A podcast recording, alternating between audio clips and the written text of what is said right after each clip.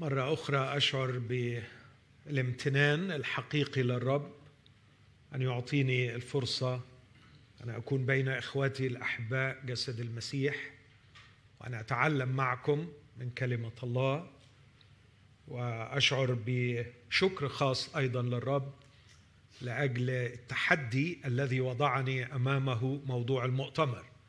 موضوع المؤتمر ليس سهل لكن اتكلت على نعمة الله لكي أتعلم وأستفيد معكم من التفكير المخلص والجاد في الكلمة المقدسة. منذ أن أعطاني الرب نعمة وشرف الخدمة كان دائما تضرعي للرب أن يحفظني من أن أكون خادما لعقيدة لكن أن أكون خادما للكتاب المقدس. وتضرعت إلى الرب كثيرا من أن أكون خادما لطائفة لكن ليحفظني الرب خادما لكل أعضاء جسد المسيح. وفي هذا الإطار أقدم ما أقدمه في أي مكان وأتناول ما أتناوله في أي موضوع. لست مدافعا عن طائفة أو عن عقيدة لكني أحاول كتلميذ للمسيح أن أفهم الكتاب المقدس واقفا على أكتاف آخرين.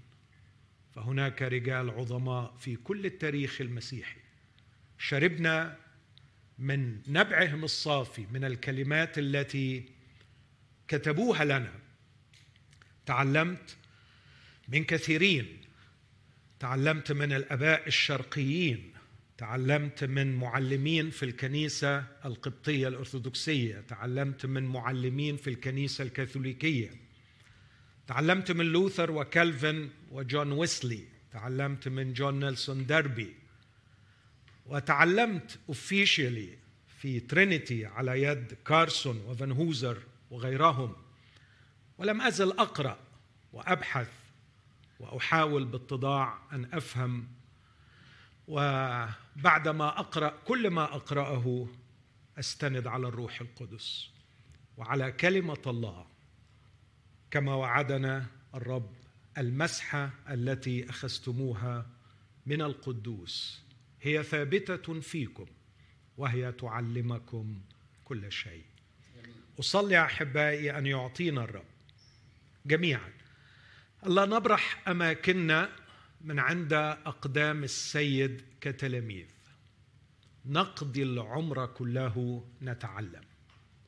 وليعطينا الرب أخلاق إخوتنا في بيرية الذين كانوا بشرف يفحصون الكتب كل يوم.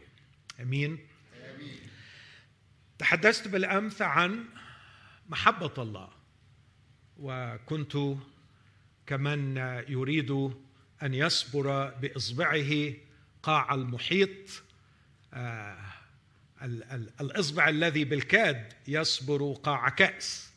فلكني وقفت على شط, هذا البحر العميق وحاولت أن أتعلم شيئا معكم عن أوجه محبة الله كما أعلنت في شخص ربنا يسوع المسيح. في هذا المساء التحدي ليس بسهل. أنا أتكلم عن نعمة الله. أيضا نعمة الله كلمة آه، تهتز لها روحي كموسيقى جميلة ويرتعد أمامها جسدي ويخشاها عقلي إذ أشعر بصغري أمام محاولة فهم هذه الكلمة العظيمة.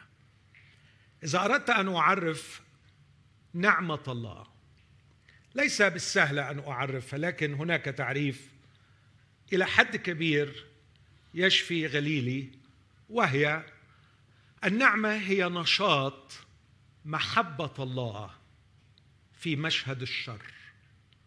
نشاط محبة الله في مشهد الشر. لو تذكروا معي أحبائي عندما تكلمت بالأمس عن المحبة بدأت حديثي بالمحبة الباطنية الثالوثية في داخل الجوهر الإلهي. هذا الجوهر الإلهي الذي لا يمكن أن يدرك إلا بقدر ما يكشف. فالإعلان الإلهي وليس المنطق البشري هو أداتنا الأولى لفهم من هو الله. عندما أعمل الفلاسفة عقولهم من تحت إلى فوق من أسفل إلى أعلى ليعرفوا من هو الله فشلوا في معرفة من هو الله الحي الحقيقي. لكن الإعلان على العكس من الفلسفة. الفلسفة إعمال العقل من أسفل إلى أعلى ليصل إلى خلاصات. لكن الإعلان هو من فوق إلى أسفل. يتكشف الله لنا يعلن الله لنا ذاته. توفيق الحكيم الكاتب المصري العملاق كتب قصة قصيرة بعنوان أرني الله. وفي هذه القصة يحكي عن طفل صغير طلب من أبيه أن يريه الله. وكان الأب يحب ابنه حبا جما فاجتهد بشدة لكي يستطيع أن يحقق رغبة ابنه. فذهب إلى كل الناس الذين يعرفهم وأبدع توفيق الحكيم في كشف حوارات الرجل ولا سيما عندما ذهب إلى رجال الدين وهو يطلب منهم أن يرونه الله. يقول فأجابوه بصيغ موضوعة ونصوص محفوظة لم يفهم منها أي شيء. وعاد المسكين دون رؤية الله. حتى وصل في النهاية إلى ناسك في طرف القرية وتضرع إليه قائلا ارجوك جئتك في أمر لا تردني فيه. أرني الله. فقال له هل جننت يا رجل؟ هل جننت؟ كيف تريد؟ أن أريك من لم أره أنا لذاتي. ودار الحوار طويلا جميلا ممتعا. حتى وصل إلى هذه النقطة. كيف أرى الله؟ قال له لا تستطيع أن ترى الله إلا إذا تكشف هو لك. وهذا حق. لا نستطيع أن نرى الله إلا إذا تكشف إذا خرج من وراء الحجاب إذا أعلن عن ذاته. قال له وكيف يتكشف لي؟ قال له إذا ظفرت بمحبته. إذا ظفرت بمحبته. وكان توفيق الحكيم يصل إلى هذه الخلاصة لا يمكن معرفة الله إلا بالإعلان بالكشف بالريفيليشن. أن يعلن الله عن ذاته. ولا يمكن أن يعلن الله عن ذاته إلا إذا أحب. فال العامل الأول والسبب المباشر وراء إعلان الله عن ذاته هو محبة الله. فالله يحب أن يتكشف ويحب أن يعلن عن ذاته. ولهذا نحن نجل الكتاب المقدس لأنه قبل أن يكون وحيا مكتوبا على صفحات كتبه أناس مسوقين من الروح القدس كان اعلانا في عقول وقلوب كتبة الوحي. فالله تكشف لهم ثم الروح القدس ساقهم ليصوغوا ما كشف لهم فجاءنا هذا الكتاب. فهذه الصفحات هي في أصلها إعلان تكشف الله لنا من خلال الأنبياء. لكن لم تكن صفحات الوحي المكتوبة كافية لتدفق أمواج محبة الله. لقد كان في قلب الله الكثير الذي يريد أن يعلنه. وهنا يأتي قول كاتب رسالة العبرانيين. الله الله الذي كله محبة. الله الذي أحب البشر وأراد أن يتواصل معنا ويتكشف لنا ويعلن لنا عن ذاته. الله الذي أراد ليس فقط أن يتواصل معنا بل يتصل بنا. الله بعدما كلم الأباء بالأنبياء قديما بأنواع وطرق كثيرة. كلمنا في هذه الأيام الأخيرة في ابنه. ابنه الذي جعله وارثا لكل شيء الذي وهو اسمع بهاء مجده ورسم جوهره. كل الأنبياء يقفون صفا واحدا طويلا جدا على جانب والابن يقف على جانب آخر. لا نستطيع ابدا أن نصنفه مع الأنبياء. لقد حمل الأنبياء كلمة الله لكن كان الابن هو نفسه كلمة الله. لقد كان الأنبياء يصفون ما كشف لهم عن الجوهر. أما هو فكان بهاء المجد ورسم الجوهر. الكلمة صار جسدا وحل بيننا. لقد تكشف الله لنا في ابنه. لكي نعرف محبة الله. لكي نعرف أيضا نعمة الله. المحبة حاضرة من الأزل. في داخل الذات الإلهية. ليست مرتبطة بالخليقة. صحيح؟ انفجر الحب فخلق فالخلق هو عملية انفجار مش الانفجار الكبير لكن انفجار محبة الله لقد فاض حبه فخلق فاض الحب فخلق لكن الحب موجود قبل الخلق. لكن بعدما خلق وأنعم على ما خلق بمحبته فاكرين النوع الثاني أو الوجه الثاني؟ بمحبته العامة المعتنية. للأسف الشديد يطالعنا الكتاب بأن الخليقة فسدت الإنسان فسد. فهل كف الله عن أن يكون محبا للإنسان بعد فساده وبعد تشوهه وبعد تلوثه بالخطية؟ كلا أحبائي. لكن ظلت محبة الله نشطة فاعلة اكتف انرجيتك شغالة بكل قوة في مشهد شر وفساد الإنسان. المحبة الإلهية العاملة والنشطة في مشهد شر وفساد الإنسان هو ما نسميه نعمة الله. أمين؟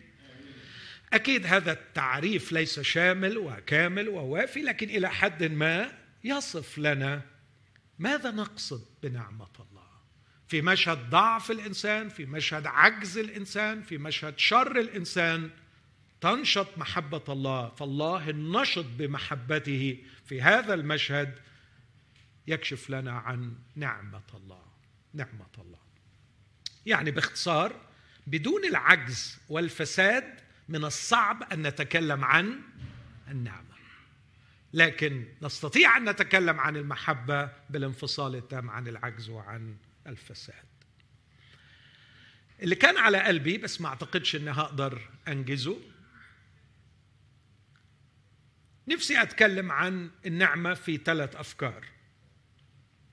أتكلم عنها في ثلاث صور أو ثلاث تشبيهات أنتم تعلمون أننا كمصريين نعيش على ضفاف نهر النيل نحب النهر وقيل قديما مصر هي هبة النيل. فالنيل بالنسبة لنا النهر بالنسبة لنا شيء كبير.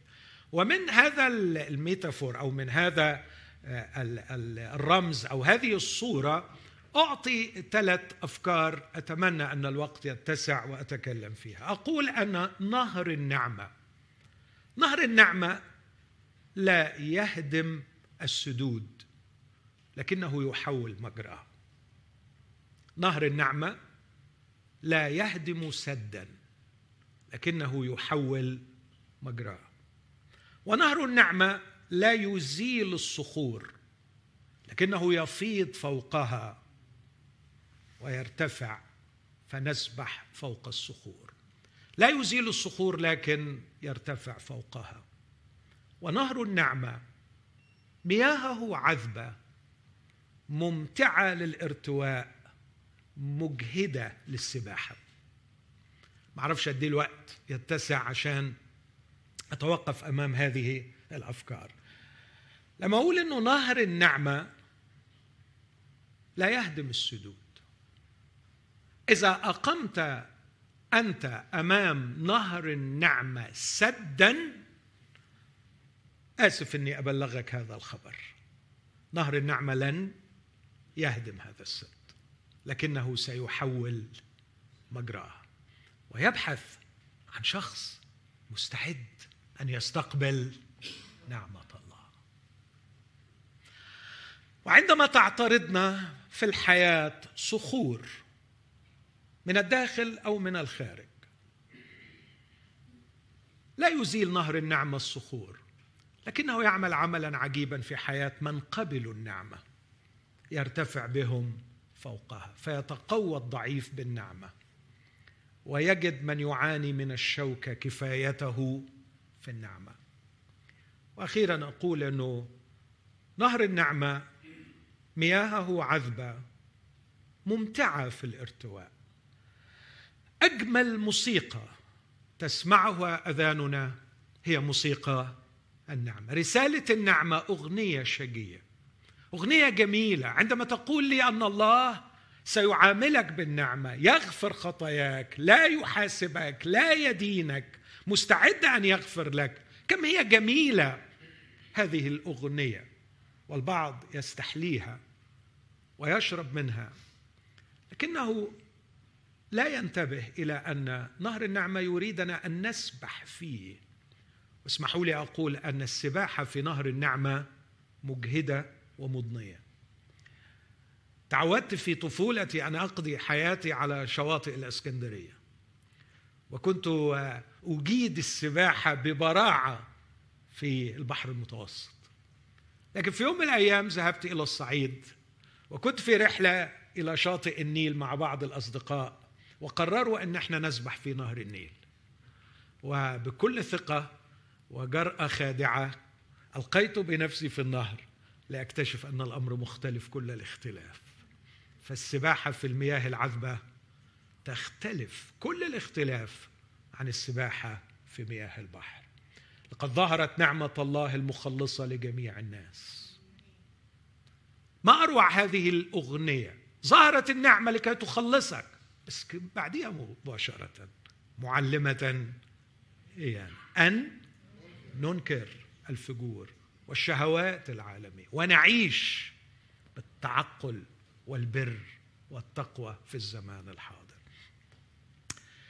النعمة تحتم الجهاد والنعمة ليست ضد الجهاد ومن فهموا النعمة على أنها ضد الجهاد سقطوا في هرطقه يا إخوتي.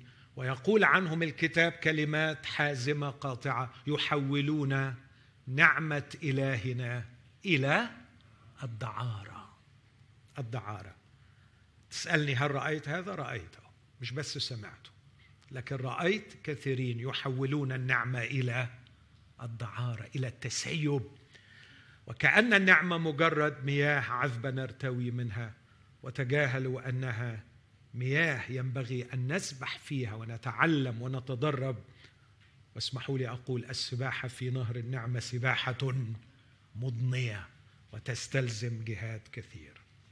هسيب الفكرة الثانية والثالثة وأتوقف أمام الفكرة الأولى لأنها ربما هي الاحتياج الأكبر الذي يتفق مع موضوع هذا المؤتمر وهو ما وصفته بهذا الوصف أن نهر النعمة لا يهدم السدود لكنه يحول مجراه. خلوني أستطلع معكم بعض الأجزاء الكتابية اللي توضح هذا الأمر. أبدأ بالقصة التي ذكرتها بالأمس عن يهوذا الإسخريوطي. يهوذا الإسخريوطي مختار الرب. كتابية ولا مش كتابية دي؟ اختار الرب يسوع من تلاميذه اثني عشر ودعاهم رسلا. فيهوذا مختار. لكن يهوذا هلك وذهب إلى الجحيم الأبدي. وأردت بهذا التشديد على أن يهوذا مختار أن أفصل قدر ما أستطيع وقدر ما أتعلم من الكتاب بين الاختيار والاختيار يظل في سلطان الله ونحن نؤمن بسلطان الله العظيم سلطان الله الكامل سلطان الله التام في أن يختار وهو حر أن يختار. لكن علينا يا إخوتي أن نفصل بين الاختيار وبين الهلاك والنجاة.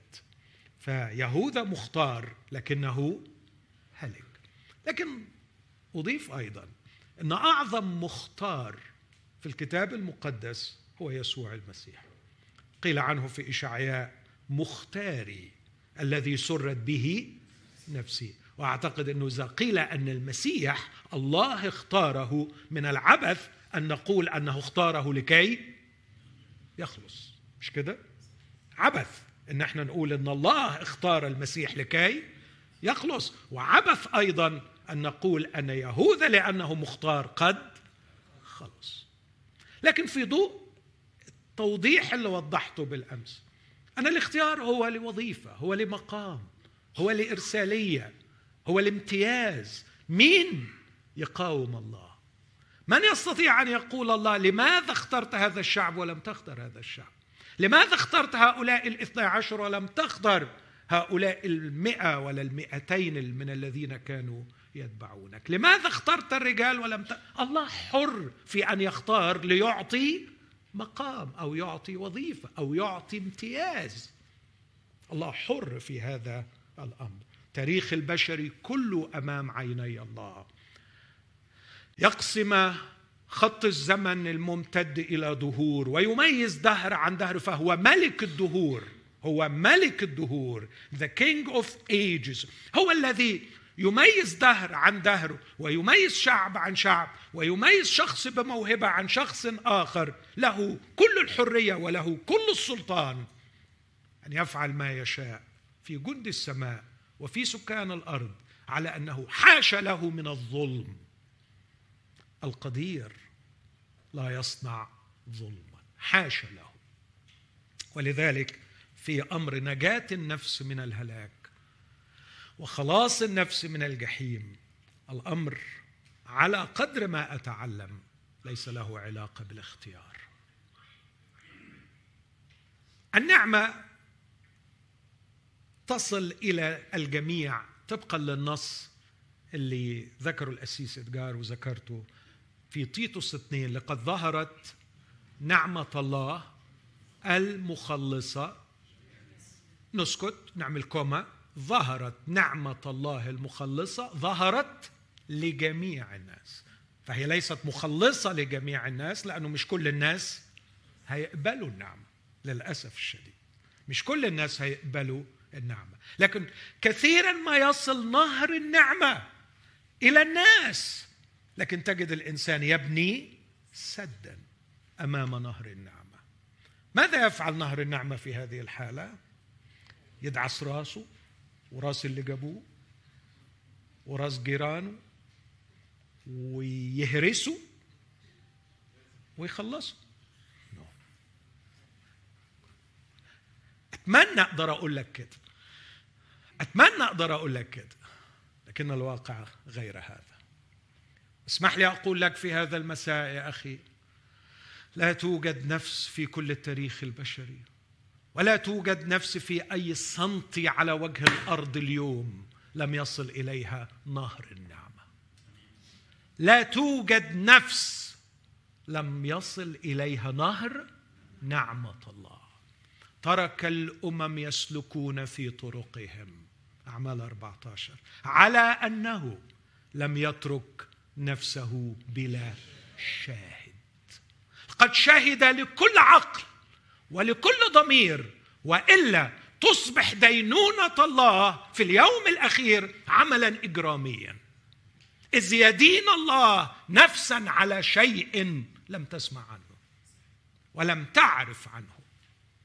لكن يؤمن كل الإيمان طبقا للنص اللي قريته بالأمس ومش هعيده تاني. أيوب 33 كلمات حاسمة قطع. بمرة يتكلم الله ومرتين ولا يلاحظ الإنسان. وعندما يصر الإنسان على أن لا يلاحظ في صحوه لا تنصرف نعمة الله عنه لكن الله يلاحقه حتى في منامه. عند سقوط سبات على الناس في أحلامهم في رؤاهم في مضاجعهم. وعندما لا يستجيبون لله في الصحة في الصحو وفي المنام يؤدبهم بالوجع على مضاجعهم. وكأنه يقول لم يستمعوا لي وهم في حالة من الصحة أمرضهم لكي يست... ربما يستمعوا لي وهم في المرض. ويظل روح الله يجاهد مع الإنسان طوال عمره محاولا أن يقنعه بأن يشرب من نهر النعمة. وتظل دعوة الروح القدس كل تاريخ الإنسان وحتى النفس الأخير هلموا هلموا جميعا أيها العطاش واشربوا بلا فضة وبلا ثمن. هذه هي نعمة الله. هذه هي نعمة الله. التي تظل تلاحق كل إنسان داعية إياه لكي يشرب ويرتوي من نهر النعمة. لكن للأسف الشديد هناك كثيرون يبنون سدودا أمام نهر النعمة فيتحول عنهم النهر. هذا ما سأحاول أن أبينه. مبتدئا بيهوذا. يهوذا آه اختاره الرب يسوع. جعله في مصب نهر النعمة غمره بمحبته. أعطاه مواهب. أرسل الاثني عشر وأعطاهم سلطانا أن يشفوا مرضى ويخرجوا شياطين. وقال لهم مجانا أخذتم مجانا أعطوا. هل كان من هؤلاء الاثني عشر يهوذا؟ نعم. نعم. لقد رأى بعينيه كيف تجسدت نعمة الله ومحبة الله للمساكين وللبؤساء. وكيف بشر ببشارة الملكوت؟ وكيف خلص كثيرون؟ لقد كان يعيش في منبع النهر ويستمتع بروعة النهر. كان يجلس مع يسوع طوال الوقت ويسمع هذا الذي قيل عنه في أول عظة له في مجمع الناصرة. كانوا يتعجبون من كلمات النعمة الخارجة من شفتيه. كم رأى ابتساماته كم رأى عواطفه كم رأى دموعه كم سمع منه first hand ربما في مرة من المرات شعر يسوع بمشاعر خاصة ناحية يهوذا واحتضنه أو ربط على كتفه أو تحدث إليه حديثا شخصيا. لا أستبعد هذا ابدا. لكن كلنا نعرف القصة وللاختصار. وصلنا إلى الليلة الأخيرة في إنجيل يوحنا أصحاح 13 وتأتي هذه الكلمات المؤلمة التي سجلها يوحنا الرسول الحبيب.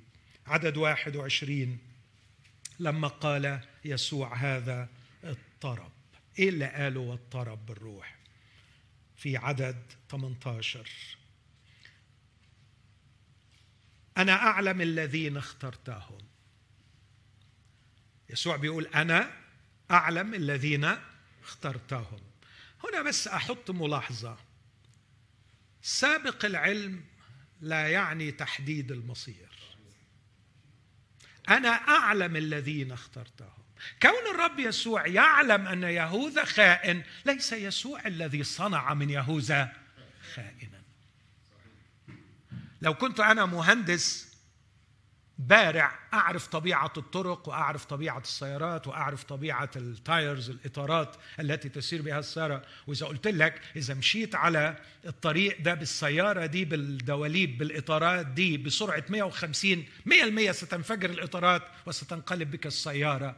أنا لم أحدد حدوث الحادث مش أنا اللي عملت الحادثه فكوني عرفت وعلمت وأخبرت هذا لا يعني أني أنا الذي حددت وحتمت. أنا أعلم الذين اخترتهم. هو يعلم. طب هو هتعمل إيه بعلمك؟ هعمل إيه بعلمي؟ هتصرف بناء على علمي. هتتصرف تعمل إيه؟ هتعمل إيه مع الراجل ده وأنت عارف إنه خاين وغدار وأنت عارف إنه هيبيعك؟ هحبه. وسأظهر له النعمة حتى النفس الأخير.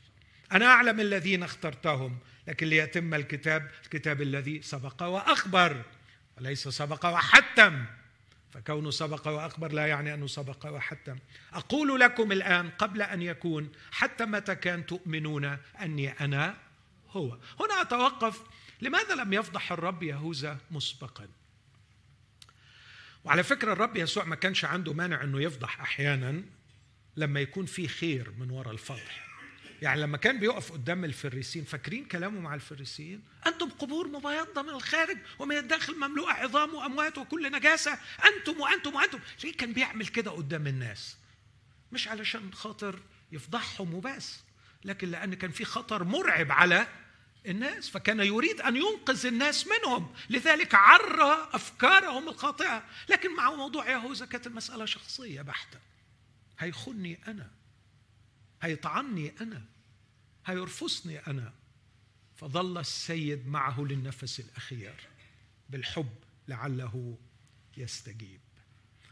حطوا خط تحت الكلمة الأخيرة دي. لعله يستجيب. إخوتي الأحباء المشهد اللي جاي في غاية الأهمية. لما قال يسوع هذا اضطرب بالروح. اضطرب بالروح. انزعج بالروح. وشهد وقال الحق الحق أقول لكم إن واحدا منكم سيسلمني. أنا عندي مشكلة آه، بحبها. أنا بعشق الرب يسوع. أنا شغوف بهذا الشخص. أحبه وأعشقه وأحترمه. وأقدر أقول عن سيدي المسيح حاشا لي إنه كان بيعمل تمثيليات. حاشا إنه كان بيعمل جيم. يسوع لما جت سيرة يهوذا إنه هيخون اضطرب بالروح. منزعج متألم مكسور القلب. شاعر شاعر ببشاعة الأمر لأن حبيب سوف يخونه. فاكرين النصوص اللي قريتها امبارح؟ لست إنسان عدوي. أنت إلفي أنت صديقي أنت الذي تحلو لي معه العشرة. أنت آكل خبزي. حق الحق أقول لكم إن واحدا منكم سيسلمني. يا لي كسرة قلبي يا لي ألمي يا لي وجعي. يا رب يسوع ما أنت عارف الموضوع والكتاب قال. وبعدين مش عايز مش عايز أتطرف وأقول هو مختار للهلاء يسوع بيقول لغاية النفس الأخير أنا موجوع ونفسي إن يهوذا يخلص. فكان التلاميذ ينظرون بعضهم إلى بعض وهم محتارون في من قال عنه. وكان متكئا في حضن يسوع واحد من تلاميذه كان يسوع يحبه. فأومى إليه سمعان بطرس أن يسأل من عسى أن يكون الذي قال عنه. فاتكأ ذاك على صدر يسوع وقال له يا سيد من هو؟ أجاب يسوع هو ذاك الذي أغمس أنا اللقمة وأعطيه فغمس اللقمة وأعطاها ليهوذا سمعان الإسخريوطي. المشهد ده معرفش بسبب برضو الأفكار اللي بتبقى مسبقة اللي بندخل بيها على الكتاب إن يسوع عمل تمثيلية كده علشان يعرف التلاميذ مين هو الخاين. وهذا إسفاف وهذا تشويه لشخصية المسيح. اسمحوا لي أقتبس ما استطعت أن أترجمه بسرعة اليوم على عجل من ديفيد جودينج هذا ال scholar العظيم اللي أعتز به. يقول جودينج ملخصا الموقف بهذه اللغة كان الرب يسوع كأنه يقول يهوذا يهوذا لقد أكلت خبز صداقتي كل هذه السنين. وعلى الرغم من هذا فأنت قررت خيانتي ورفسي من خلفي. أنت مزمع هذه الليلة أن تسلمني وأنا أعلم كل شيء عن هذا. ولكن على الرغم من هذا وقبل أن تعمل هذا يهوذا أنا أعطيك خبزي مرة أخرى. أعطيك خبزي مرة أخرى. خبز صداقتي. فهل تقبله؟ ويعلق جودينج قائلا لم تكن علامة سخرية أو تشكيك neither cynical or sarcastic. لم تكن علامة سخرية أو تشكيك ولا كانت بالطبع رشوة له. كانت محاولة أخيرة صادقة ليخلصه من اختياره الإرادي الذاتي لجحيمه.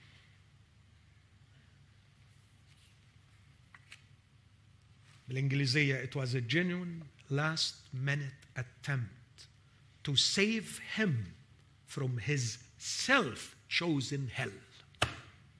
قد اختار يهوذا جحيمه بنفسه وكان يسوع حتى اللحظة الأخيرة يحاول أن يخلصه.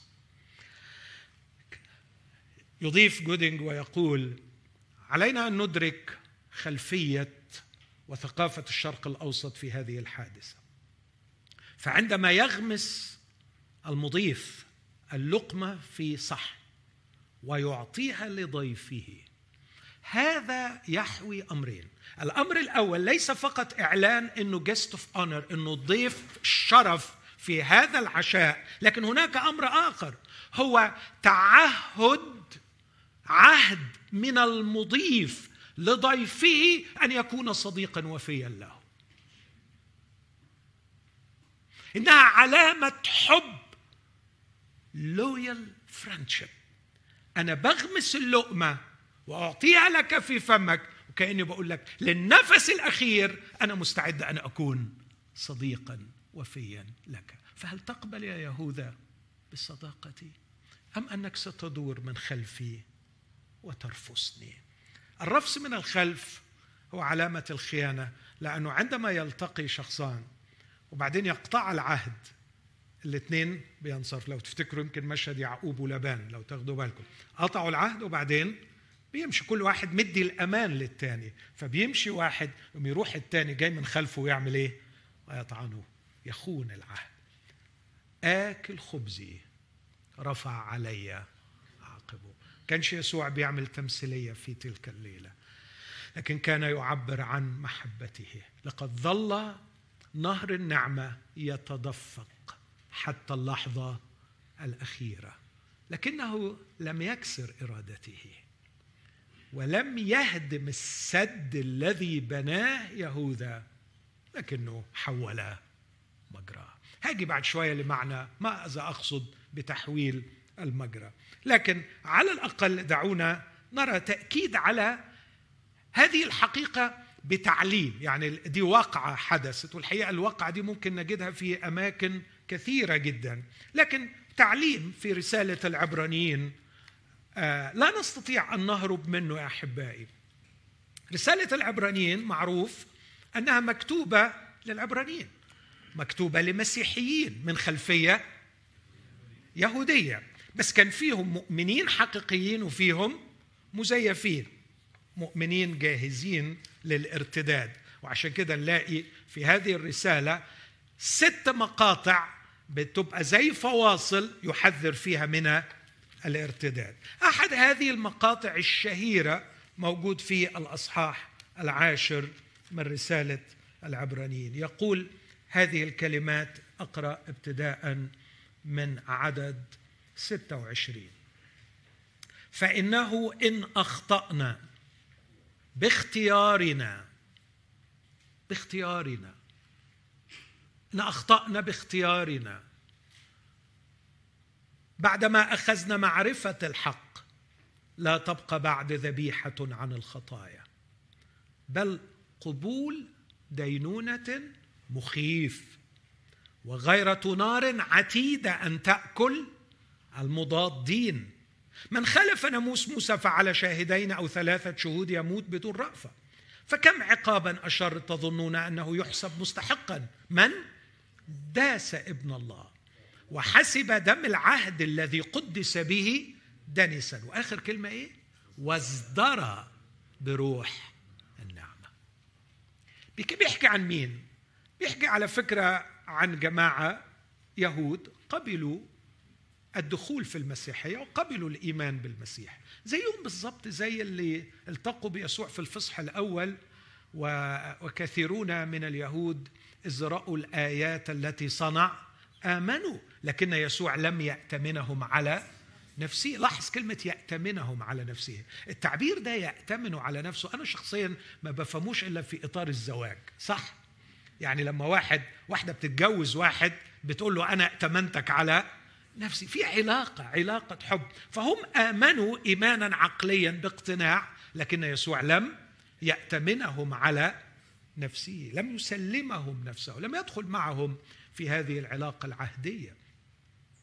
هؤلاء الناس ظلوا في داخل الكنيسة سنوات ربما عديدة جدا ربما عشرات السنين ويدنوا لكن في النهاية رأوا الاضطهاد ورأوا المشاكل ورأوا المتاعب فقرروا الارتداد إلى الخلف. فتركوا المسيحية وذهبوا مرة أخرى إلى المجامع اليهودية. وعندما يدخلون إلى المجمع كان مطلوبا منهم فعلا حرفيا أن يعلنوا أن يسوع كان شريرا آه، وأنهم يحتاجون مجددا إلى الذبيحة وأن كل ما حدث ما هو إلا هرطقة آه، قام بها رجل يهودي. فكان يدخل الشخص ويعلن هذا في المجمع. الرسول بيوصف إن اللي اتعمل ده إنه عمل ثلاث حاجات. داس ابن الله حسب دم العهد الذي قدس به دنسا وازدرى بروح النعمة ازدرى بروح النعمة. هؤلاء الذين ازدروا بروح النعمة تحولت عنهم نعمة الله. ما أعتقدش إني أنا أحمل النص أكثر مما يتحمل. من ازدرى بروح النعمة تحول عنه نهر النعمة. لكن خلوني أكمل هذا الفكر عن مسؤولية الإنسان في قبول نعمة الله. مسؤولية الإنسان في قبول نعمة الله. ولماذا ندافع عن مسؤولية الإنسان في قبول نعمة الله؟ أعتقد أنه لا أحد يعني يلغي مسؤولية الإنسان. لكن نحتاج أن نكون يعني متسقين منطقيا ونحن نتكلم عن مسؤولية الإنسان.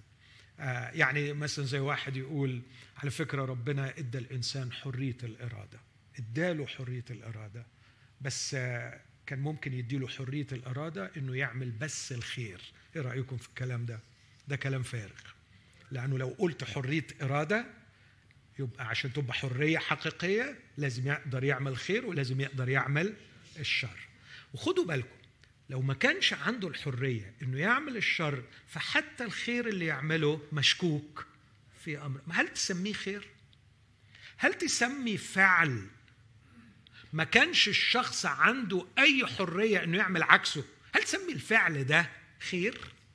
ما تعريفك للخير. it's not good ما تقدرش تقول عليه good خصوصا لو وصلنا النقطة في غاية الأهمية وهو أن الله يريد محبين.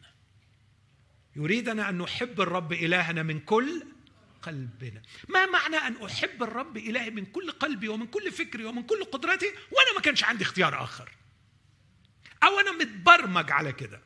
أو أنا تم تكويني؟ ما, ما قيمة هذا الحب؟ ما قيمة هذا الحب؟ كثير بحكي يعني تشبيه بسيط علشان أوصل الفكرة دي وإن شاء الله يعني تكونوا مركزين معايا شوية أو يعني آه بقول مثلا بتخيل يعني بتخيل إن أنا كنت مسافر كالعادة وبعدين فوجئت إن مراتي كل أسبوع كل يوم الصبح تبعت لي كم رسائل حب رهيب. وأنا انتعشت جدا بهذه الرسائل واشتعل قلبي بالشوق والمحبة والتشجيع وبقيت نشيط ومتحمس وفرحان. وبعدين لما رجعت أول شيء عملته شكرتها بعمق على هذه الرسائل الرائعة. قالت لي رسائل إيه؟ قلت لها كنت بتبعتها لي كل يوم الصبح. قالت لي وريهاني كده فوريتها لها. قالت لي هي هي حلوة وتعبر عني بس الحقيقة مش أنا اللي بعتها. قلت لها أمال إيه اللي حصل؟ قالت لي يظهر واحد من الولاد برمج التليفون بتاعي إني يبعتها لك كل يوم. فقدت قيمتها ولا لا؟ طب مش هي عملت الأثر بتاعها وكانت فعالة وخلتني نشط وفرحان وعيشتني أسبوع فوق السحاب؟ إيه المشكلة يعني؟ إيه المشكلة يا أخي؟ ما هي جابت نتيجة. it's working. لكنها false لأنها لم تكن نابعة من إرادة حرة. لم يكن اختيارها. ان في كل صباح تقوم في الصباح لكي تكتب لي هذه الرسالة. ما قيمة محبة نحبها لله. تمت برمجتنا عليها. تم قهرنا عليها. تم تشكيلنا بشكل ما. ولم تكن نابعة من إرادة حرة إخوتي قد يبذل الله الجهد ليعمل في إرادتنا لكي نحبه بإرادتنا لكنه لا يعمل ضد وعلى الرغم من إرادتنا. يعمل through our will not in spite of our will. مش يهد السد علشان تشرب لكن يحاول معك بكل الطرق لكي يجعلك ترتوي من نهر. النعم أمام هذا يا إخوتي تأتي بعض العبارات الصعبة. ما أقدرش أقول ان هقدر أجاوب عليها لكن اسمحوا لي أقرأ نص بحبه كتير في إنجيل يوحنا إصحاح ستة. نص من أجمل النصوص المعزية لنا واللي ربما نحتاج في هذا الصدد أن نلقي ضوءا عليه. في يوحنا 6 41 فكان اليهود يتذمرون عليه لأنه قال أنا هو الخبز الذي نزل من السماء. على فكرة في ناس لما سمعوا الكلام ده فرحوا قوي وقبلوه قوي. وهم مش فاهمين. صحيح. يعني مثلا لو تاخدوا بالكم هم في آخر يوحنا ستة قالوا له هذا الكلام صعب. مين يقدر يفهم الكلام ده؟ فكثيرون من تلاميذه ابتدأوا يرجعون من ورائه. فالتفت يسوع للباقيين وقال لهم ألعلكم أنتم أيضا تريدون أن تمضوا؟ واحد من ال 12 اللي قال إن الكلام ده صعب وهو بطرس. بطرس أكيد شايف إن الكلام ده صعب ولا يدعي إنه فهمه. بس فاكرين رد على الرب وقال له إيه؟ قال له بص أنت كلامك صعب وأنا مش قادر أفهمه. بس إلى من نذهب؟ كلام الحياة الأبدية عندك. أنا في حاجة تاني شداني ليك. قلبي مشدود ومنجذب إليك حتى وإن كنت لا أفهم كلامك. إخوتي عندما نتجاوب مع عمل النعمة يخلق الروح القدس فراغا في قلوبنا لاستقبال يسوع المسيح لاستقبال الخبز الحي النازل من السماء. قال لهم آه، تذمروا قالوا إنه بيقول إنه هو الخبز. أليس هذا هو يسوع ابن يوسف الذي نحن عارفون بأبيه وأمه؟ فكيف يقول هذا إني نزلت من السماء؟ فأجاب يسوع وقال لهم لا تتذمروا فيما بينكم. لا يقدر أحد أن يقبل إلي إن لم يجتذبه الآب الذي أرسل. نص عظيم ورائع ونؤمن به ونضعه تاجا على رؤوسنا ونقر به. الرب يسوع بيعلم وبيقول لا يقدر أحد أن يقبل إلي إن لم يجتذبه الآب الذي أرسلني. يبقى العمل هنا في قبولي لشخص يسوع واستقبالي له هو عمل مين؟ عمل الآب.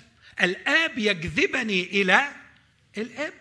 تعرف لما نقف عند الحتة دي نحن يعني نجرم في حق النص. كمل معايا القراءة. وأنا أقيمه في اليوم الأخير. ليه؟ ليه بتقول كده يا رب يسوع؟ إنه مكتوب في الأنبياء. مكتوب في الأنبياء ويكون الجميع متعلمين من الله. اسمع. فكل من سمع من الآب وتعلم يقبل إليه. فكر معي في هذه العبارة. بعدها مباشرة. هقول النصين تاني ورا بعض. لا يقدر أحد أن يأتي إلي لا يقدر أحد أن يقبل إلي إن لم يجتذبه الآب. طب هو إزاي الآب يجتذب إليك؟ كل من سمع من الآب وعمل إيه؟ وتعلم. يقبل الي اذا هناك بروسس طويلة. عملية طويلة. الآب فيها بيتكلم مع الإنسان مرة ومرتين وعشرة وعشرين. وغرضه إن الإنسان ده يعمل إيه؟ طبقا للنص. يسمع ويتعلم. ولما يسمع ويتعلم ويقول حاضر الآب يعمل إيه؟ يجذب إلى الإبن. لكي ينال الخلاص الإنسان حاضر. إخوتي أرجوكم حدش يزنق نفسه بين اختيارين؟ monergism synergism. يا إما الله هو اللي عامل الشغلانة كلها يا إما المثل المصري عندنا يقول القفه أم ودنين يشيلوها اثنين عندكم مثل يشبه ده يعني؟ حاجة زي كده؟ مش عارفين القفه عندنا في مصر. جرة يعني أم ودنين يشيلوها اثنين فالبعض يسخر من مسؤولية الإنسان ويقول لك كأنك أنت بتحط نفسك معادل لله أنت أنت بتعمل الشغل. مين قال بعمل الشغلانه مع الله؟ ما بعملش الشغلانه مع الله. أنا بتجاوب مع نعمة الله. وأنا أعرف أعمل حاجة. وأنا كنت أعرف أجيبه من السماء يموت من اجلي هو أنا أعرف أولد نفسي ولادة جديدة. هو أنا لولا إنه هو تدخل مين المبدئ؟ مين اللي دايما مبادر ومبدع. الله وليس الإنسان. حاشا للأمر ابدا أن يكون الإنسان هو البادئ. الله هو البادئ. الله هو الذي يتخذ الخطوات. لكنه لا يتعامل مع حجارة. لا يتعامل مع حيوانات. لا يتعامل مع أجهزة يحركها بالريموت كنترول. لكن يتكلم يتعامل مع بشر مخلوقين على صورته أعطاهم هذه الكرامة والقيمة أن يستوعبوا ويتجاوبوا. حتى إذا كانوا قد فسدوا. لم يزالوا مخلوقين على صورته. السقوط يا إخوتي شوه الصورة لكن لم يمحوها. لم يزل الإنسان محرم علينا شتيمته في يعقوب اثنين. لماذا من الممنوع إنه يشتم واحد إنسان لأنه مخلوق على؟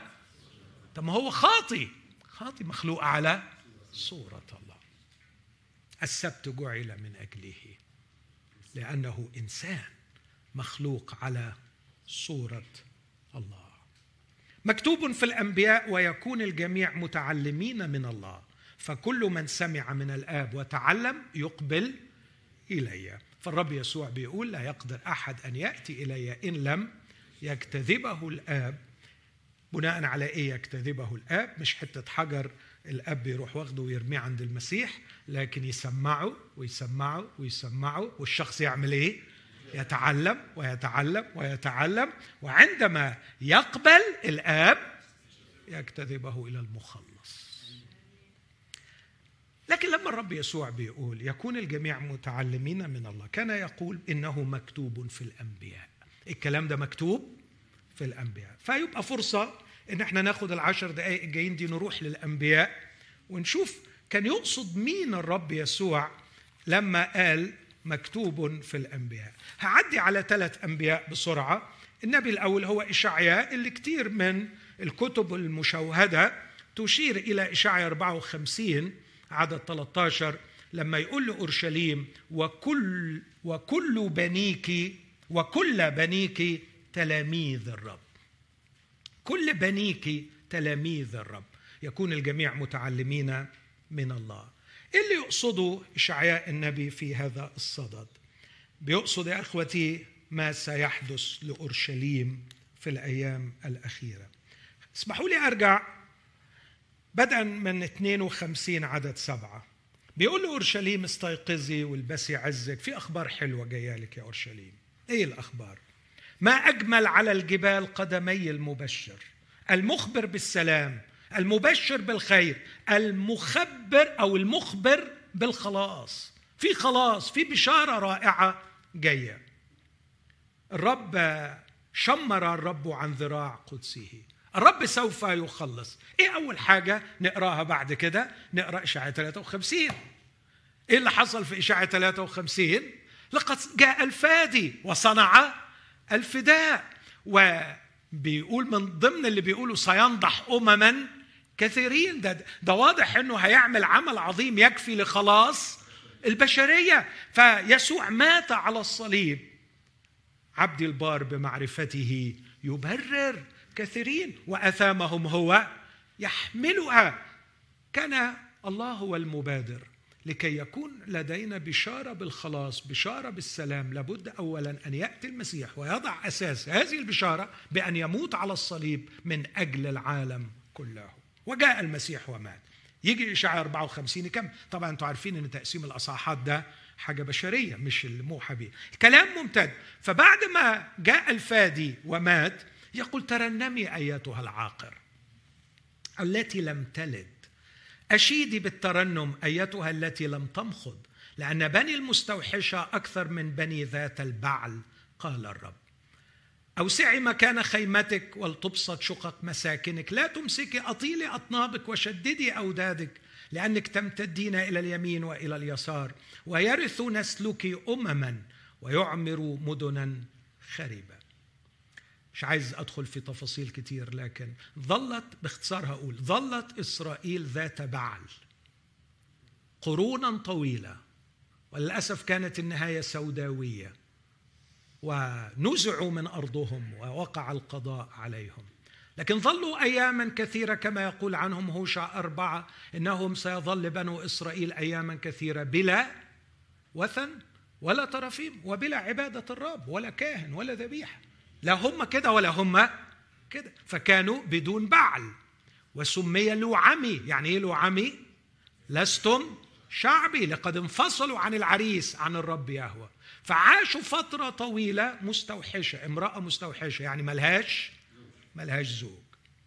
لكن بعد الفداء هتفاجأ أن عندها أولاد كثيرين في نهاية الأيام. كيف سيأتوا هؤلاء؟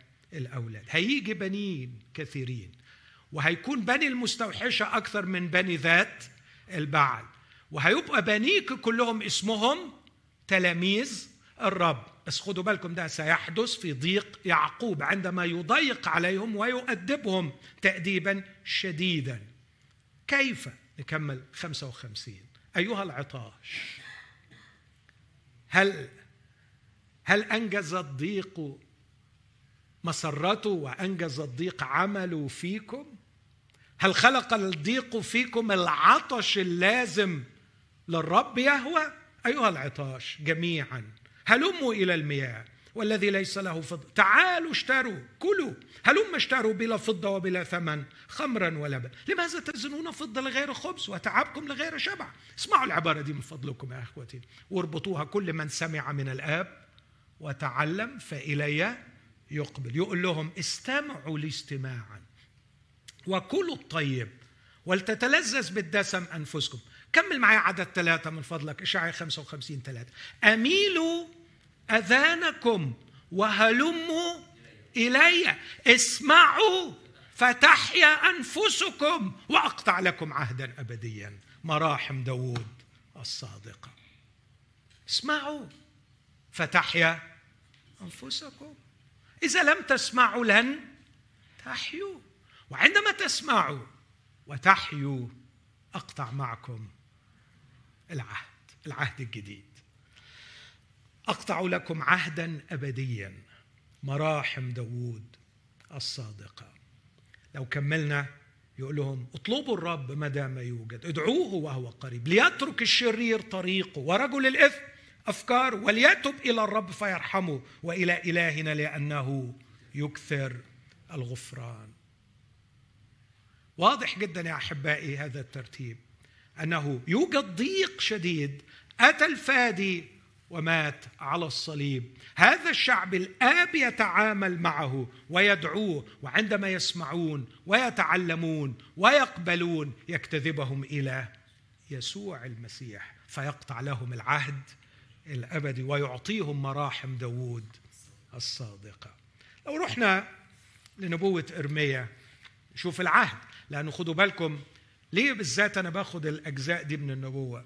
لأنه لما الرب يسوع يقول مكتوب في الأنبياء يكون الجميع متعلمين من الله يتكلم عن بركات العهد الجديد اللي أشار إليها كاتب العبرانيين. في عبرانيين 8 وعبرانيين 10 لما يقول أجعل شريعتي في قلوبهم أكتبها في أذهانهم لا يعلمون أحدهم الآخر اعرف الرب لأنهم سيعرفونني جميعهم من الصغير إلى الكبير. فواضح أن دي حاجات مرتبطة بالعهد الجديد الذي سيقطعه الرب مع هذا الشعب.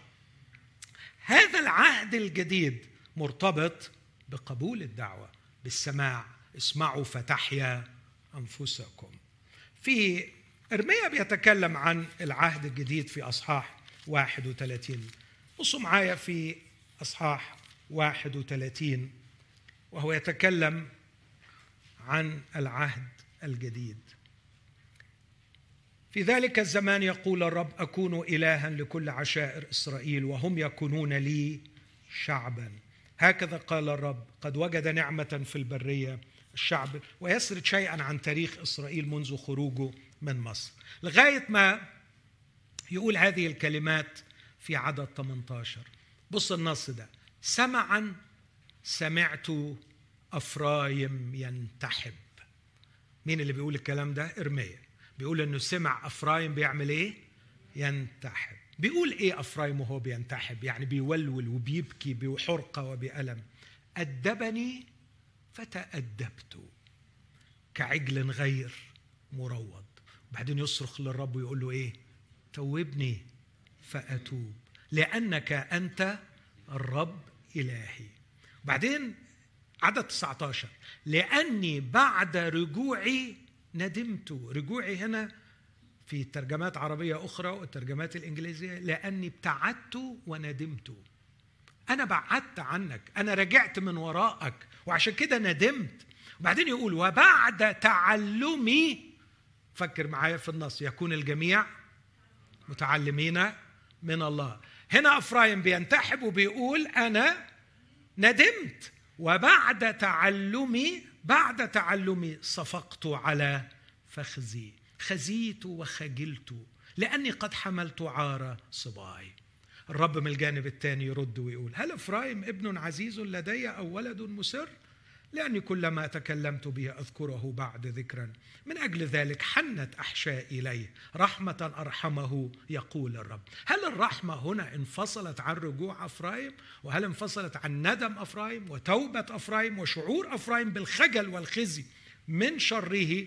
يستكمل النص في 31 لغاية ما يوصل للعدد الشهير.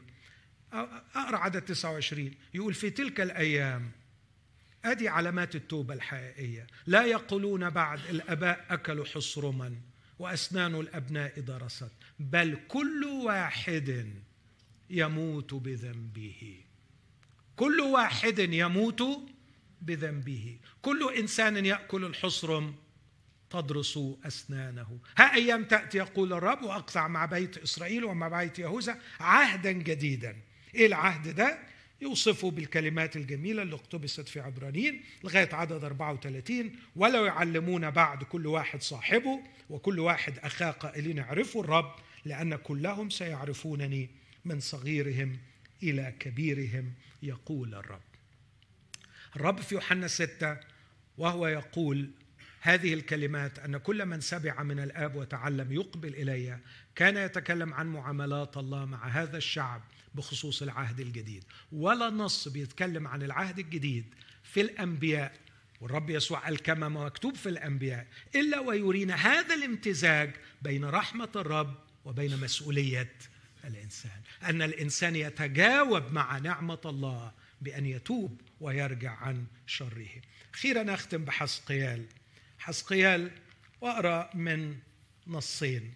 أقرأ من حسقيال 18 وحسقيال 36 حسقيال 18 من أجل ذلك عدد 30 أقضي عليكم يا بيت إسرائيل. كل واحد كطرقه. يقول السيد الرب أنا هقضي عليكم كل واحد كطرقه.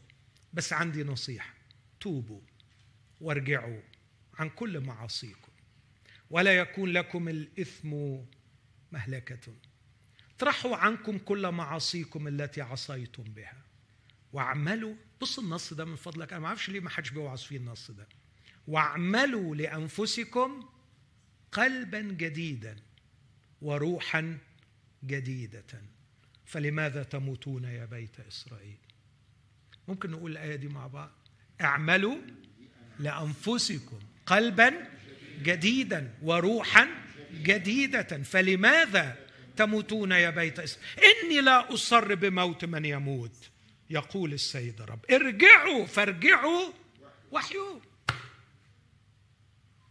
اعملوا لأنفسكم قلبا جديدا. لا لا لا الرب يعطيني قلب جديد. يس بس مش رغما عنك. انت كمان لازم تعمل لنفسك قلب جديد. وده اللي يكمله حسقيال في 36 بص معايا في حسقيال 36 يقول هذه الكلمات. وعلى فكرة ده غالبا النص بعض المفسرين يقولوا هو ده اللي الرب عاتب نقديموس عليه إنه ما فهمهوش. أنت معلم إسرائيل ولست تعلم هذا؟ هرجع للنص ده بعد قليل جدا. بص كده في حسقيال 36 يقول هذه الكلمات في عدد 23 فأقدس اسم العظيم المنجس في الأمم الذي نجستموه في وسطهم. فتعلم الأمم إني أنا الرب يقول السيد الرب. حين أتقدس فيكم قدام اعينهم وأخذكم من بين الأمم وأجمعكم من جميع الأراضي وآتي بكم إلى أرضكم. بص بقى هيعمل إيه؟ أرش عليكم ماء طاهرا فتطهرون. من كل نجاساتكم ومن كل أصنامكم أطهركم وأعطيكم قلبا جديدا وأجعل روحا جديدة في داخلكم وأنزع قلب الحجر من لحمكم وأعطيكم قلب لحم. الرب هيعمل العملية دي بس قبل ما يعمل العملية دي بيقول أرش عليكم ماء طاهرا فأطهركم. إيه معنى أرش عليكم ماء طاهرا؟ يعني خلي الدنيا تمطر. وأكيد المطرة بتاعت ربنا طاهرة فهتطهرهم. صح كلام فارغ ده؟ يعني إيه أرش عليكم ماء طاهرا؟ طبقا لمفهومنا الواضح في العهد الجديد مولودين ثانية لا من زرع يفنى بل مما لا يفنى بكلمة الله. مطهرا اياها بغسل الماء؟ بالكلمة. شاء فولدنا؟ بكلمة الحق لنكون بكورة من خلائقه. نولد من الماء والروح. الماء هنا هو كلمة الله. أرش عليكم ماء طاهرا فأطهركم. كل من سمع من الآب وتعلم. الآب يتكلم ويتكلم ويتكلم ماء طاهرا. وعندما تستقبل الكلمة يعمل الإنسان لنفسه فعلا قلبا جديدا ويتدخل الرب ويعمل له القلب الجديد. اذا هذا العمل لا يستبعد لا يستقصي لا يمكن ابدا أن يكون بدون حضور الإنسان الواعي وإرادته ورغبته في أن يولد. هختم أنتوا تعبتوا أكيد بس خلاص. هختم بنصين يوحنا ثلاثة لما الرب يسوع التقى بنقوديموس. نقوديموس آه، شخص جميل. نتقابل معاه في إنجيل يوحنا كم مرة؟ مين مذاكر؟ كم مرة نتقابل مع نقوديموس في إنجيل يوحنا؟ برافو عليك. ثلاث مرات. أول مرة يوحنا ثلاثة ثاني مرة يوحنا سبعة ثالث مرة يوحنا 19 في النهاية. في يوحنا ثلاثة لسه. شخص مش مولود من الله. شخص مفكر. وشخص محترم. ليه بقول محترم؟ بصوا النص. جاي مباشرة وبعض النسخ في المخطوطات تقول إن يوحنا ثلاثة يبدأ بكلمة لكن. وده إلى حد ما أميل إليه. بيقول في آخر يوحنا اثنين إن إذ رأوا الآيات التي صنع آمن كثيرون باسمه. لكن يسوع لم يأتمنهم على نفسه لأنه علم ما كان في الإنسان. لكن في إنسان اسمه نيقوديموس. ده مختلف شوية. إيه الاختلاف بتاعه؟ عندما رأى الآيات ما أمنش زي الباقيين لكن تساءل. وأنا الحقيقة بحترم اللي بيتساءل. أحيانا أحترم اللي بيطرح أسئلة أكتر من اللي بيآمن لأنه بحس أنه واخد الموضوع بجدية. لكن كان إنسان من الفريسين اسمه نيقدموس رئيس لليهود. جه لي يسوع وبيتكلم في نفس الموضوع. بيقول له يا معلم نعلم أنك قد أتيت من الله معلما لأنه لا يقدر أحد أن يعمل الآيات التي أنت تعمل إن لم يكن الله. أنا عندي استنتاج منطقي أنت أكيد جاي من الله. أنت مية المية جاي من الله لأنك بتعمل الآيات دي كلها. يسوع راح قافل عليه الباب قال بص نيقدموس مش هنحكي كتير وما عنديش وقت كتير أحكي معاك فيه. الحق الحق أقول لك إن كان أحد لا يولد من فوق لا يقدر أن يرى ملكوت الله. ودخل نيقوديموس في حوار طويل مع الرب والرب وبخه وقال له أنت معلم إسرائيل ولست تعلم هذا. وختم الرب يا أحبائي بكلمة في غاية الأهمية عدد سبعة لا تتعجب إني قلت لك ينبغي ينبغي أن تولدوا من فوق. إخوتي لو كان العمل كله مسؤولية الله كلمة ينبغي لا معنى لها قط في هذا النص. لما الرب يقول ينبغي أن تولدوا من فوق ينبغي أن تسمع من الآب وتقبل رش الكلمة الطاهرة عليك وتتجاوب معها لكي تأتي إلى الآب. ما معنى وما قيمة أن الرب يقول ينبغي أن تولدوا ما يقول ينبغي أن يلدهم الله من فوق لكي يدخلوا ملكوت الله. لكن الرب يحمل على ضمير نيقوديموس ويضع عليه العبء. ينبغي أن تولدوا مفهوم وأسئلتك الكثير وكان سؤال منهم سخيف يعني كان ساركاستيك شوي. كيف يولد الإنسان وهو شيخ؟ لعله يدخل بطن أمه ثانية. هو ده برضه سؤال يا تسأله. عيب عليك حتى يعني يعني إيه تدخل بطن أمك وأنت شيخ؟ طب وعلى فكرة وأنت لو دخلت بطن أمك هتطلع زي ما أنت. لأن المولود من الجسد جسد هو.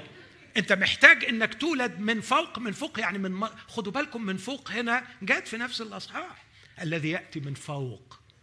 هو فوق الجميع تيجي من مصدر تاني لابد من عمل إلهي عظيم. بس مسؤوليتك. مش ينبغي أن الله يلدك لكن ينبغي أن تولدوا من فوق. هو خد الكلام دوره في دماغه ابتدى يتفاعل معاه. جه في أصحاح سبعة كانوا عاملين جلسة لمحاكمة يسوع. عايزين يحكموا على يسوع لكن طلع لهم يا جماعة كان لسه العمل شغال أهو. خدوا بالكم. يا جماعة ألعل ناموسنا يدين إنسانا لم يسمع منه. هاجوا عليه وقالوا له فتش وانظر لم يقم نبي من الجليل. مفيش. هو أنت من الجليل؟ حاولوا يتملقوا لكن كان واضح إنه ابتدى يتجاوب. يعني إيه ابتدى يتجاوب؟ يسمع من الآب ويتعلم. وفي النهاية فصح 19 جذبه الآب إلى المسيح. حصل ولا ما حصلش؟ ده بالظبط كل من سمع من الآب وتعلم فإلي يقبل. وكل من يقبل إلي لا أخرجه وأقبل أخيرا. وأقبل في لحظة عنيفة معرضا نفسه وحياته لخسارة كل شيء. كتبت عنه قصيدة زمان بعنوان الأيادي الجميلة. وتخيلته وهو يكفن ربنا يسوع بمئة منن من الأطياب. فاكرين المن اللي جابته مريم؟ وغنينا ورنمنا عنه بس بننسى حرام نيقوديموس. نيقوديموس جايب مئة منن من الأطياب. وكفن بها ربنا يسوع بكل الحب. كفنه وهو ميت. لا أعتقد أنه التقى بالرب يسوع وهو حي مرة أخرى لكن كان الآب يعمل في قلبه وهو يتجاوب ويستجيب. حتى جاءت هذه اللحظة فانجذب إلى ابن الله وسلمه حياته وأعلن إيمانه به. نهر النعمة لا يمكن أن يهدم السدود لكنه يحول مجراه. وبهذا أختم من سفر الأعمال أصحاح ثلاثة. سفر الأعمال ثلاثة عدد 17 والآن أيها الإخوة أنا أعلم أنكم بجهالة عملتم كما رؤساءكم أيضا. وأما الله فما سبق وأنبأ به بأفواه جميع أنبيائه أن يتألم المسيح قد تممه هكذا فتوبوا وارجعوا لتمحى خطاياكم لكي تأتي أوقات الفرج من وجه الرب. هل كان بطرس بيعمل تمثيلية أم كان صادقا؟ بيقول لبني إسرائيل أنتوا عملتوا العملة السوداء بتاعكم لكن كان ينبغي أن المسيح يتألم لكي يكون سبب لخلاص البشرية. But anyways توبوا وارجعوا لتمحى خطاياكم. إن تبتم ورجعتم ستمحى خطاياكم. طب وإذا ما تبتوش لن تمحى الخطايا. وتأتي أوقات الفرج من وجه الرب ويرسل يسوع المسيح المبشر به لكم قبل. عدد 26 بيقول لهم إليكم أولا إذ أقام الله فتاة يسوع إليكم أرسله يبارككم برد كل واحد منكم عن شروره. ستأتي البركة إذا ارتد كل واحد منكم عن شروره. ماذا كانت يعني نتيجة هذه العظة؟ إيه التجاوب عند بني إسرائيل؟ ظلوا يقاومون فصاح خمسة سجنوهم فصاح سبعة وقف استفانوس وقال عظته الأخيرة لبني إسرائيل. ومن هذا الأصحاح أخذت عنوان هذه الفكرة. عدد 51 يا قساة الرقاب وغير المختونين بالقلوب والأذان أنتم دائما تقاومون الروح القدس كما كان أبائكم كذلك أنتم. أي الأنبياء لم يضطهده أباءكم؟ قد قتلوا الذين سبقوا فأنبأوا بمجيء البار الذي أنتم الآن صرتم مسلميه وقاتليه فلما سمعوا هذا حنقوا بقلوبهم صروا بأسنانهم وقتلوا استفانوس وهنا حول نهر النعمة مجراه ده نهاية أصحاح سبعة. أصحاح ثمانية الذين تشتتوا من جراء الضيق جالوا مبشرين بالكلم. فانحدر فيلبس إلى السامرة. والمدينة كلها آمنت وقبلت وفرحت. وبعدين وهو راجع الخصي الحبشي ويصل الإنجيل إلى أثيوبيا. ده أصحاح ثمانية أصحاح تسعة. شاول نفسه يأتي للمسيح. إعلان إن الباب سوف يفتح للأمم. أصحاح عشرة. بطرس يروح لمين؟ لكرنيليوس وبعد كده ما نسمعش عن إسرائيل خلاص. وصار باقي سفر الأعمال كله نهر النعمة عمال يروي تسمع بقى عن دربة ولسترا وأنطاكيا وأفسس وكورنثوس وتسالونيكي وأثينا والنهر عمال إيه؟ ها؟ يروح وفي كل حتة عمال يروح هناك من يرتوي من نهر النعمة وتدفق النهر من أورشليم وحاول روح الله كثيرا مجاهدا مع أهلها أن يفتحوا قلوبهم للنهر لكنهم قاوموا الروح القدس وبنوا السدود فلم يهدم نهر النعمة تلك السدود التي بناها بني إسرائيل لكنه حول مجراه وجرى النهر بعيدا عن أورشليم ولم يزل يجري إلى الآن في لبنان ووصل إلينا في مصر ووصل إلى كل بقاع الأرض وحيثما وصل نهر النعمة وجدنا أناسا سمعوا من الآب وتعلموا وكانوا جاهزين أن يجذبه بالآب إلى شخص يسوع المسيح. ألفين سنة والنهر يجري. لم يجف وما زال يجري. لم يزل نهر النعمة يجري أحبائي. اسمحوا لي أقول في هذه الليلة أن نهر النعمة يجري الآن في لبنان. هل توجد نفس في هذا المكان امرأة أو رجل صبية أو شاب؟ همس في داخله الروح القدس بالأمس الأسبوع الماضي الشهر الماضي. وضعك غلط. فيك حاجة مش مظبوطة. اسمع للرب ارجع إليه. هل سمعت اللمسة دي؟ سمعت الهمسة دي. أنا عارف إني أطلت لكن اسمحوا لي يا إخوتي في يوم من الأيام كنت في إحدى الطائرات في داخل أمريكا في حالة من الإعياء والإرهاق الشديد. ومش عايز أتكلم مع حد ومش قادر. بعدين لقيت واحد قاعد جنبي والكرسي اللي بيننا فاضي فنفسه يحكي وأنا مش طايق أحكي فقلت لألا يبدأ بالكلام فرحت مطلع كتاب وقعدت أقرأ فيه فراح قال لي بتقرأ في إيه؟ فكان حظي وحش فقلت له بقرأ كتاب عن النازي واللي عمله قال لي أنت بتشتغل إيه؟ اضطريت أجاوبه قال لي بتعمل إيه هنا في أمريكا؟ قلت له بدرس بتدرس إيه؟ قلت له بدرس فلسفة وبدرس لاهوت آه قال لي بتدرس فلسفة وبتدرس لاهوت وأنت طبيب نفسي طب إزاي الثلاثه يركبوا مع بعض؟ قلت له الحقيقة هم يركبوا قوي مع بعض قال لي أنت عايز تقول لي إنك مؤمن بالله؟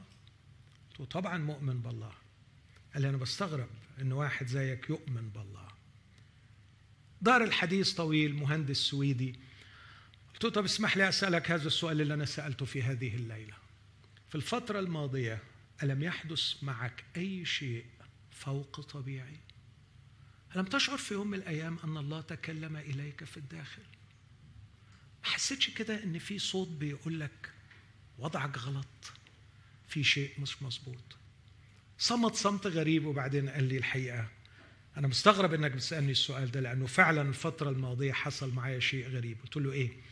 قال لي صحيت الصبح بشرب القهوة بتاعتي قعدت في مكاني زي ما بقعد كل مرة. وبعدين فجأة كده فجأة كأن شريط سينما بيتعرض قدام عيني كل المواقف الحلوة الجميلة في حياتي لقيتها بتعدي قدامي لدرجة إن ميعاد الشغل راح عليا وأنا قاعد مأخوذ في سياحة رائعة وأنا بتفرج على حياتي كلها.